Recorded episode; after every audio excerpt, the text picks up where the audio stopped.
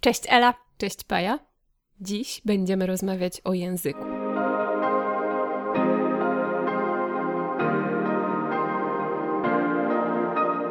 Przygotowałyśmy dla Was trzy książki, gdzie język, jak w każdej książce, ale tutaj chyba jeszcze bardziej, odgrywa naprawdę bardzo ważną rolę e, i chcemy porozmawiać o tym, co to za książki i co takiego szczególnego dzieje się w nich właśnie z językiem. Będzie też bardzo różnorodnie, bo mamy krótką formę, dłuższą formę, coś bardzo gęstego, pełnego metafor, nieoczekiwanych spojrzeń na rzeczywistość, coś co ma bardzo ciekawy podtytuł w zależności od tego, na którą wersję językową spojrzymy. Więc myślę, że wiele różnych ciekawych tematów poza tym językiem również będzie nam się mm, przeplatać w tych rozmowach o tych książkach. No więc przejdziemy już właśnie do tych książek, które dla Was mamy i pierwsza z nich to Szelma i inne opowieści przyziemne Elżbiety Isakiewicz. I to jest taka mała książeczka niespodzianka, mała książeczka zaskoczenie, mała książeczka, która mimo, że jest taka mała, to jest bardzo gęsta, czyta się bardzo powoli i ten język tutaj to jest coś niesamowitego, prawda? Zgadza się, to jest taka niepozorna książeczka, w którą się wsiąka od pierwszego zdania. E, I tak mówimy książeczka, miniatura, cały czas używamy tych małych słów i myślę, że to jest e, bardzo ciekawe, że ta książka rzeczywiście też jest wydana w takiej trochę miniaturowej formie, ale bardzo misternej. E, nie wiem, ja osobiście lubię to, że czasami jednak ta okładka, mówi się, żeby nie oceniać książki po okładce, ale czasami ta forma wydania mówi nam już wiele o o tym, co znajdziemy w środku, i to jest książka, która się ukazała nakładem Państwowego Instytutu Wydawniczego, i e, u nich myślę, to bardzo często się sprawdza, że jest ta taka korelacja pomiędzy tym, co na zewnątrz i co w środku, i że bardzo o to, o to dbają. I tutaj e, właśnie ta okładka zwróciła moją uwagę na samym początku, i pomyślałam, że chciałabym zajrzeć do środka. I słuchajcie, tak jak Wam powiedziałam od pierwszego zdania, naprawdę zrobiła na mnie ogromne wrażenie ta książka.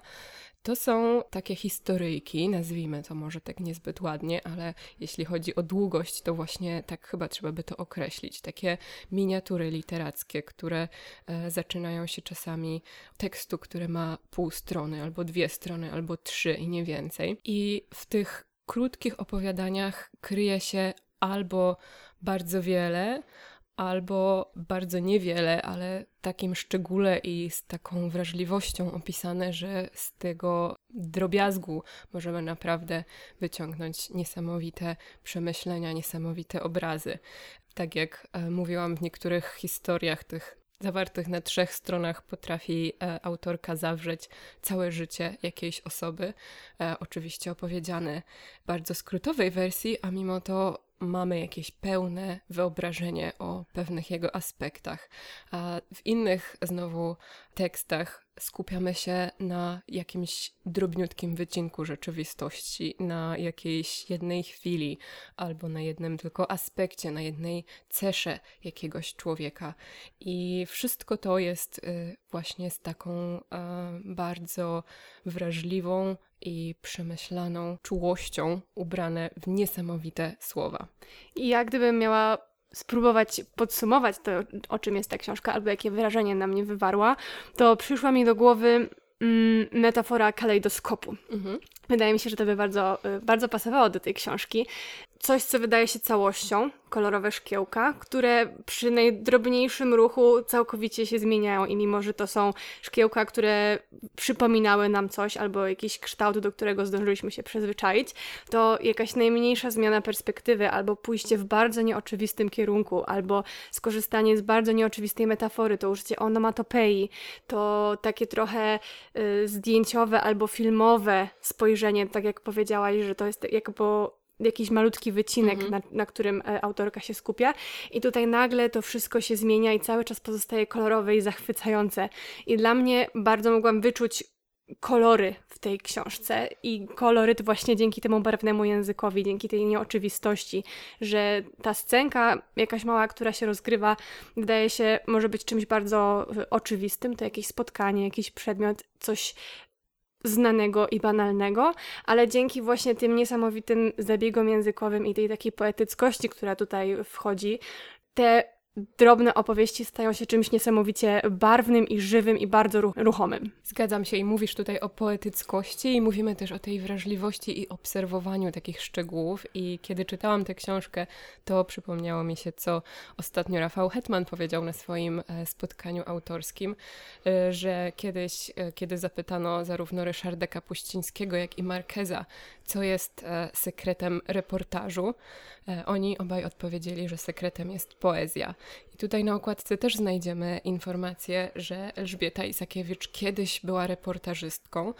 I moim zdaniem to kiedyś to jest trochę nadużycie. Ona nadal jest reportażystką, jest reportażystką i poetką w jednym. E, I właśnie w tych e, drobnych historiach przeplata te dwa e, gatunki, bo z jednej strony z taką reporterską wnikliwością obserwuje, zagłębia się, próbuje analizować, próbuje wnikać, próbuje poznać, a z drugiej strony właśnie z tą e, również poetycką wrażliwością to wszystko ubiera w słowa i to wszystko chce nam przekazać. Pięknie powiedziane, no ale właśnie mówimy o tym języku, o tej poetyckości i myślę, że tutaj naprawdę spojrzenie na fragment może wiele powiedzieć osobom, które potencjalnie byłyby zainteresowane tą książką. Ja bardzo bym ją polecała wszystkim czytelnikom i czytelniczkom, którzy lubią zabawy słowem, którzy, których gęstość metafor i języka nie odstrasza, którzy lubią spojrzeć na coś y, oczywistego w nowy sposób. No i myślę, że mogłybyśmy spróbować wylosować jakiś fragment do przeczytania, jak myślisz. Tak, zdecydowanie, bo ja bardzo chciałam coś wybrać, ale im dłużej czytałam, tym stawało się to trudniejsze, bo tak. z każdym kolejnym fragmentem myślałam sobie, to jest właśnie to, co przeczytam Wam w odcinku. E, potem nie, to właśnie Wam przeczytam, więc ostatecznie myślę, że zdamy się na los e, i możesz pierwsza wylosować jakiś fragment, przeczytać. Losujemy. Tak. W metrze. Ręce mężczyzny wykonują koliste skręty, tworzą niewidzialne wiry, jednocześnie lub na przemian obejmują partię przestrzeni. Zwalniają i przyspieszają, modelując kręgi. W wagonie są jeszcze kobieta z książką i parę osób przykutych do smartfonów. Czy to któraś z symfonii Beethovena? Zastanawia się kobieta. Raczej nie. Zbytnia łagodność unosi te dźwiękowe fale. Za szybko miękną, a Beethoven wrzał i płonął w gniewie. A więc może to Mozart pod rozkoszną peruką skrywającą w szyi gorzkie żale, albo Brahms, powściągliwy i kulturalny, który, z Klaudią Schumann oczywiście, wciąż wytańcowuje szybujące w kosmos oprzędzone w liryczne ażury walce. Taki fragment mi się trafił, całkiem fajny. Dobra, to jeszcze ja coś wylosuję, może bliżej początku. Wylosowałam fragment zatytułowany Konduktor. Przejeździł koleją tyle lat, że gdy zamykał powieki, zamieniał się w nieskończony zbiór kadrów pędzących ku przeszłości w niespoczywającym błysku szyn. W jego żyłach płynęły światło cienie krajobrazów. W uszach osiadał ich bezgłośny rozgwar. No i to są nasze losowe próbki, ale słuchajcie, mogłybyśmy tak wam losować i przeczytałybyśmy wam cały ten zbiór. I za każdym razem byłby to piękny i uderzający swoją spostrzegawczością, nieoczywistością fragment. Całkiem sporo się nagadałyśmy, jak na taką małą książeczkę, którą zapowiedziałyśmy na początku. Aż się bolej, co będzie dalej, bo mam grubą książkę. Tak, zaraz przejdziemy do grubej książki. Podsumowując te krótkie historie Szelmę, bardzo Wam e, polecamy, jeśli chcecie się zagłębić w języku, jeśli chcecie poczuć to, co czytacie, bo wydaje mi się, że tutaj te teksty oddziałowują na wszystkie zmysły. Można poczuć, można zobaczyć, można usłyszeć. E, I tak jak mówiłaś, są bardzo barwne, są przesycone zapachami. Także myślę, że to są bardzo dobre teksty na leniwe letnie popołudnia, kiedy można się zatracić w czytaniu i zatracić w języku. Ale jeśli macie więcej czasu, to Paja przygotowała dla Was coś dłuższego. Tak, ja przygotowałam powieść Julii Fiedorczuk pod słońcem. To jest powieść tak, to jest powieść. Słuchajcie, przez duże P mam nadzieję, że to duże P tutaj wybrzmiało. wybrzmiało. Duże P to jest powieść. E, I to jest taka książka e, z gatunku klasycznych dla mnie, że to jest taka współcześnie napisana klasyczna powieść, z takim napisana z takim, taką wrażliwością, może mentalnością nie, bo to, bo to może się źle kojarzyć, ale z taką wrażliwością i z takim nastawieniem na to, co było kiedyś, i na taką powolność, i na taki spokój, i na takie postępowanie zgodnie z rytmem przyrody i podążanie jakimiś utatymi szlakami, które w literaturze zostały już wytyczone, a jednocześnie odniesienie tego w bardzo takim współczesnym mm, wydźwięku, a przynajmniej ja sobie tak tę książkę odczytywałam. A czy jest też jakaś fabuła? Tak, jest fabuła i są bohaterowie. Mm, w teorii mm, głównymi bohaterami są y, Misza i Miłka, ale użyłam tego słowa w teorii, bo to jest bardzo ciekawe zabieg tego, jak poznajemy tych e, głównych mhm. bohaterów, bo ci główni bohaterowie, oczywiście ich jakby linia życia wytycza fabularność tej powieści, ale poznajemy ich bardzo często poprzez pomniejsze postaci wprowadzane gdzieś tam pobocznie, które oni spotykają, albo którzy mieszkają obok nich na ich wsi, albo którzy stanowią tylko jakiś epizod epistolarny, więc oni są zbudowani z innych osób, mhm. które je otaczają. I to był zabieg, który bardzo mi się podobał. I bardzo chciałabym Was zachęcić do przeczytania tej książki. I może mówiąc, że to jest taka trochę klasyczna, taka duża powieść, mogę tym kogoś zniechęcić. Ale mimo, że to książka, która jest też yy, oparta na jakichś takich może stereotypowych rozwiązaniach mogłoby się wydawać, no bo mamy tu jego i ją i oni razem te życie zaczynają i jest ten ślub i są dzieci. Oparta jest na schematach, które już znamy i właśnie z tych takich wielkich tomów, wielkich mistrzów te losy głównych bohaterów mogłyby się wydawać nie za ciekawe, ale właśnie tutaj w ogromną rolę w opisywaniu tego, mhm. gdzie mieszkają, jak mieszkają, co czują, a dużo tutaj jest tego rodzaju opisów dzięki językowi, który został wykorzystany do tego, by przedstawić ten świat, to naprawdę jest to niesamowicie wciągająca dla mnie y, książka. Ja na jej recenzję trafiłam już rok temu y, u Patsy i u Patsy mimo że książka nie zrobiła na niej takiego wrażenia, to ona napisała taką recenzję, że ja wiedziałam, że ta książka będzie mi się podobać. I właśnie ogromną zasługę ma tutaj język. To takie bardzo powolne, też poetyckie, metaforyczne e, budowanie rzeczywistości, to skupienie się na opisach przyrody, która odgrywa tutaj bardzo ważną rolę. Ta ta zmiana pół roku, dostosowywanie się do tego, jak świat wygląda i co może nam zaoferować. I to są takie bardzo sztywne ramy, bo jednak człowiek w tej powieści tutaj podporządkowywuje się temu, jak ta przyroda mhm. działa. Więc to podporządkowanie sprawia, że może ci bohaterowie nie są jacyś bardzo bohaterscy, albo nie są jacyś bardzo wyjątkowi. To są mali ludzie z dużymi i małymi problemami. Mm, I tak sobie teraz myślę, że może to, co mówię o tej książce, to trąci takim trochę sentymentalizmem albo jakąś taką ckliwością. I ja bardzo nie chciałabym, żebyście pomyśleli, że to jest taka książka, bo naprawdę jest pięknie napisana i opowiada o tym małym życiu i o tej przyrodzie w bardzo piękny sposób wspaniale mi się ją czytało, naprawdę. I tak bardzo odczuwałam opisy przyrody, które się pojawiały. Książka zaczyna się w zimie. I gdy zaczęłam ją czytać miesiąc temu, oczywiście pogoda nie była za fajna jeszcze miesiąc temu, ale i tak, gdy czytałam ją, to pomyślałam sobie, kurczę, mogłam to czytać w zimie, naprawdę, ale po prostu zepsułam to, bo teraz czuję taką potrzebę, żeby był mróz i żeby mi to pasowało. Ale potem pojawił się opis lata i cieszyłam się, że czytam tę książkę, kiedy teoretycznie zaczyna się lato i jest wiosna, więc naprawdę naprawdę ja bardzo odczuwam to, jaki jest nastrój w książce i to, w, jakim, w jakiej porze roku się dzieje, a tutaj te pory roku bardzo pięknie były zgrane z tym, co odczuwają bohaterowie, albo jakie przełomowe momenty w ich życiu się wydarzają, to również było skorelowane z porami roku, więc naprawdę wspaniała sprawa i bardzo Wam tę książkę polecam. Czyli można ją czytać w każdej porze roku? Czy... Można, można. Dobrze, to ja mam jeszcze jedno pytanie, bo e, mówiłaś o tym, że z jednej strony ta książka odsyła do jakichś takich klasyków z wcześniejszych czasów, a z drugiej strony, że e, kojarzyła ci się z pewnymi współczesnymi problemami czy zagadnieniami, więc w jakich czasach ona się dzieje i dlaczego kojarzy się i z przeszłością, i z chwilą obecną? Książka dzieje się na Podlasiu zaczyna się po wojnie, znaczy poznajemy y, głównego bohatera y, Misza, jego młodego chłopca, który już żyje w powojennej Polsce, ale jest też dużo retrospekcji jeszcze do historii jego ojca, y, czasów emigracji, przebywania na Uralu, więc jeszcze bardziej cofamy się mhm. w czasie. Mm, I fabuła, jeśli można powiedzieć o fabule, ale jakby ten rytm życia prowadzi nas aż do starości i do czasów nam bardziej współczesnych. I te czasy współczesne pokazane w tej książce dla mnie stanowiły taki bardzo mocny kontrast między tym, jak ich życie się zaczynało, a tym, jak życie się kończy.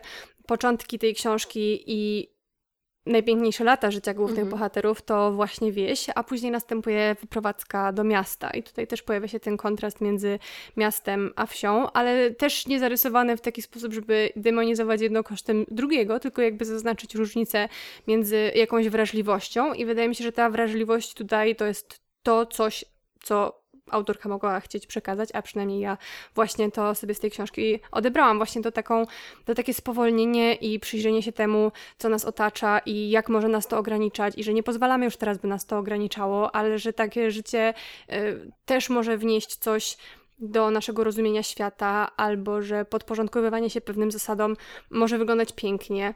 Oczywiście są też bohaterowie, którzy nie odnajdują się w tych sztywnych ramach albo w tym, jak życie wygląda w takim podporządkowaniu, y, ale jest to mimo wszystko bardzo dopełniony obraz i mimo tej takiej szkatułkowej konstrukcji i temu tej wieloperspektywicznemu spojrzeniu zarówno na postaci, jak i na miejsca, które się zmieniają. Naprawdę przepięknie skonstruowana jest ta powieść, jest przepięknie napisana i to jest taka książka, którą można zabrać i gdzieś sobie ją przytulić i czytać sobie długo albo porankami, albo wieczorami i naprawdę się nią zachwycać i cieszyć się, że takie piękne książki powstają po polsku. Naprawdę bardzo Wam polecam książkę Julii Fiedorczuk Pod słońcem. Sama jestem zaskoczona trochę, że ta książka tak bardzo mi się podobała, biorąc pod uwagę, że tutaj mówiłam dużo o literaturze klasycznej, o której czasami nie mam zbyt dobrego zdania. E, ale mimo to naprawdę wspaniała, wspaniała powieść. Cieszę się, że mam ją na półce i będę sobie, myślę, do niej wracać. Na pewno za parę lat bym chciała znowu sobie ją tak odkryć. To by mogła być taka książka, do której mogłabym sobie wracać. Im jestem starsza, może jeszcze więcej bym jakiejś takiej wrażliwości się w niej doszukała. To tyle z mojej strony. Mamy dla Was jeszcze jedną książkę, słuchajcie. Tutaj będzie ta kwestia ciekawych podtytułów. Myślę, że coś nam o tym powiesz, prawda? tak, trzecia książka, którą dzisiaj dla Was mamy, to książka autorstwa Anne Boyer. Ja akurat mam ją w wersji angielskiej e, i tutaj mamy tytuł The Undying: A Meditation on Modern Illness ale jak się okazało, chociaż nie wiedziałam o tym, kiedy ją kupowałam, e, niedawno, bo w styczniu ta książka ukazała się też e, w tłumaczeniu Karoliny Iwaszkiewicz e, nakładem wydawnictwa Czarne. I tutaj będą te ciekawe podtytuły, o których Paja wcześniej wspominała, bo po polsku książka nosi tytuł Obumarła. I mamy e, podtytuł złożony z pojedynczych słów, a mianowicie ból, słabość, śmiertelność, medycyna, sztuka, czas, sny, dane, wyczerpanie, rak i opieka. Dużo tematów. Właśnie, myślę, że to e, wiele już mówi o tym, jakiego rodzaju jest ta książka.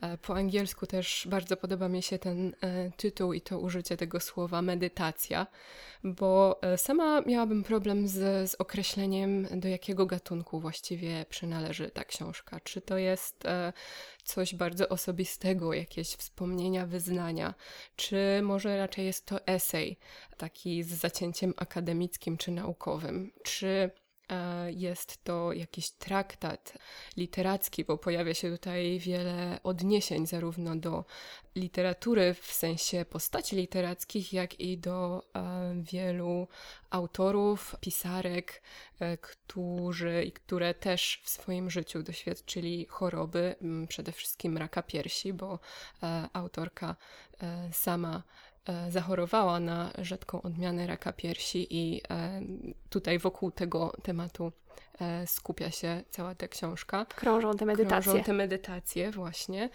Więc właśnie to jest coś pomiędzy tymi wszystkimi gatunkami, coś e, złożonego z tych gatunków, co czerpie e, z różnych źródeł i co jest właśnie takim wyrazem tego, co ona chciałaby przekazać. I tutaj ten język, na którym dzisiaj się skupiamy w odcinku, ma trochę inne znaczenie, bo Anne Boyer jest wykładowczynią, e, jest e, naukowczynią i e, pracuje z językiem, uczy o języku, o literaturze i myślę, że dla niej to jest przede wszystkim właśnie źródło e, wyrażania siebie i rozumienia też innych ludzi.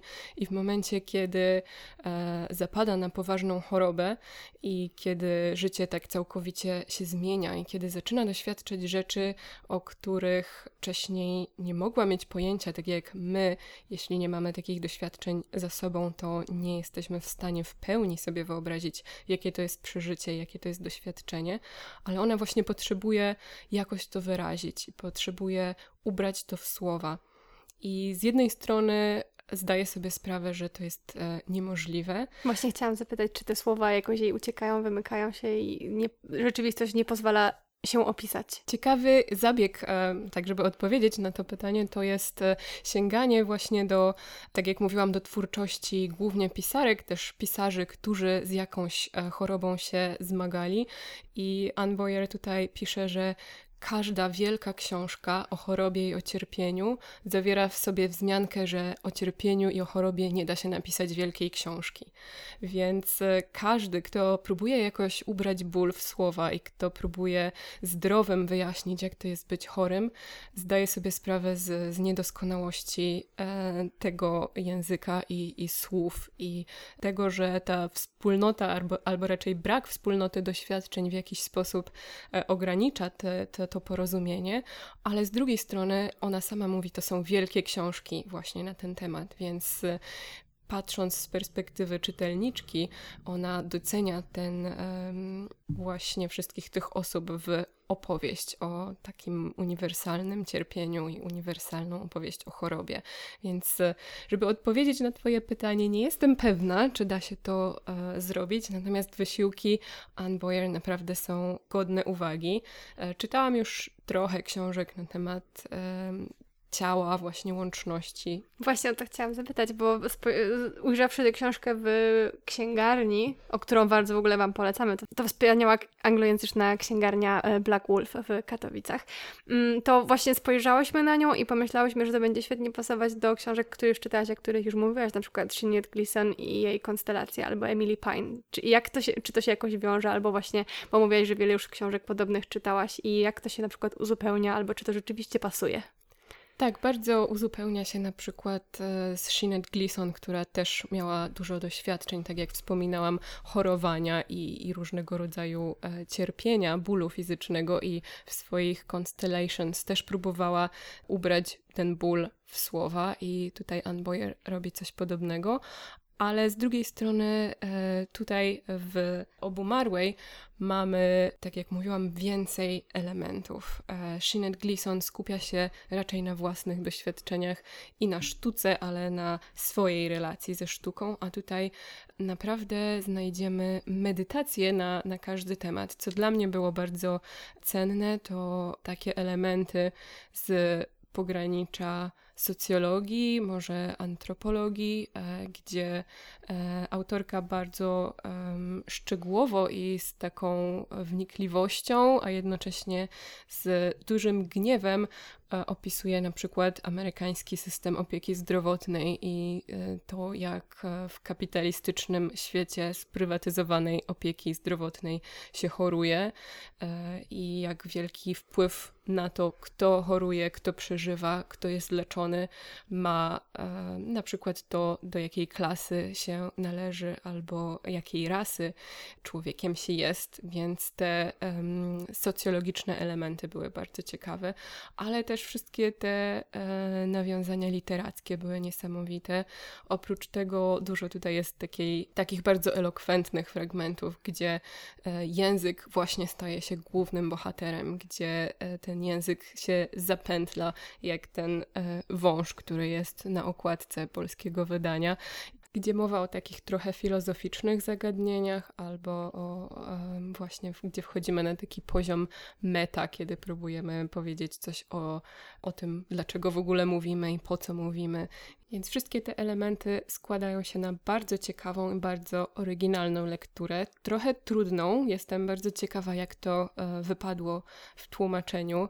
E, więc jeśli ktoś z Was będzie czytał albo e, już czytaliście, to bardzo chętnie poznam Wasze opinie na temat, jak to tłumaczenie wypada, bo tak jak mówiłam, ten język i ta konstrukcja zdań są tutaj bardzo ważne i czasami bardzo skomplikowane. Były takie miejsca, gdzie gdzie e, wracałam, żeby przeczytać akapit od początku, żeby w pełni nasycić się tym, skąd ta myśl się wzięła i jaki proces ewolucji przeszła po drodze, żeby zakończyć się na końcu um, akapitu. Więc e, myślę, że przed tłumaczką ta, ta trudne wyzwanie, ale mam nadzieję, że, e, że mu sprostała i że wszyscy teraz będziecie, mo będziecie mogli, będziecie mogły cieszyć się e, tą książką po polsku. No więc ja ze swojej strony bardzo Wam również tę książkę polecam. E, tak chciałabym Was trochę zachęcić, żebyście się odważyli i odważyły po nią sięgnąć, bo tematyka na pewno dla niektórych może być odstraszająca. Ja sama też miałam pewne opory przed tym, żeby e, zaczynać dzień czytając właśnie o chorobie i żeby zanurzać się w tym e, cierpieniu, ale myślę, że to nie jest książka, która emanuje tym bólem i która skupia się na tylko na negatywnych e, doświadczeniach. W niej jest też bardzo dużo ciepła, bardzo dużo budowania jakiejś takiej relacji z, z innymi i, i bardzo dużo też takiego mrocznego humoru, z którym e, czasami autorka stawia czoła naprawdę trudnym sytuacjom, bo to jest chyba coś, co też nas ratuje w, w najtrudniejszych e, sytuacjach, więc na pewno warto po nią sięgnąć i e, myślę, nie obawiać się tej trudnej tematyki. Jak więc widzicie, w tym odcinku jest całkiem różnorodnie, mimo że temat mógłby się wydawać taki prosty i oczywisty, ale oczywiście wcale taki nie jest. Przy okazji zaoproponowałyśmy Wam coś krótkiego, coś grubego, coś trudnego, ale pocieszającego. Bardzo ciekawe spektrum tematów nam dzisiaj wyszło. Jak zwykle zachęcamy Was bardzo do lektury. Myślę, że na przykład ja bym Wam powiedziała, że Pod Słońcem to jest bardzo dobra wakacyjna książka. Ja tak myślę. Można ją zabrać na przykład na plażę albo gdzieś na jakąś długą podróż samochodem. Tak sobie to wyobrażam, więc już słuchajcie, pierwsze polecenie wakacyjnej lektury. A jeśli już którąś z tych książek e, macie za sobą, no to jak zwykle czekamy na Wasze opinie w komentarzach, a tymczasem zostawiamy Was z tymi trzema polecajkami aż do następnego tygodnia i żegnamy się z Wami. Do usłyszenia. Do usłyszenia.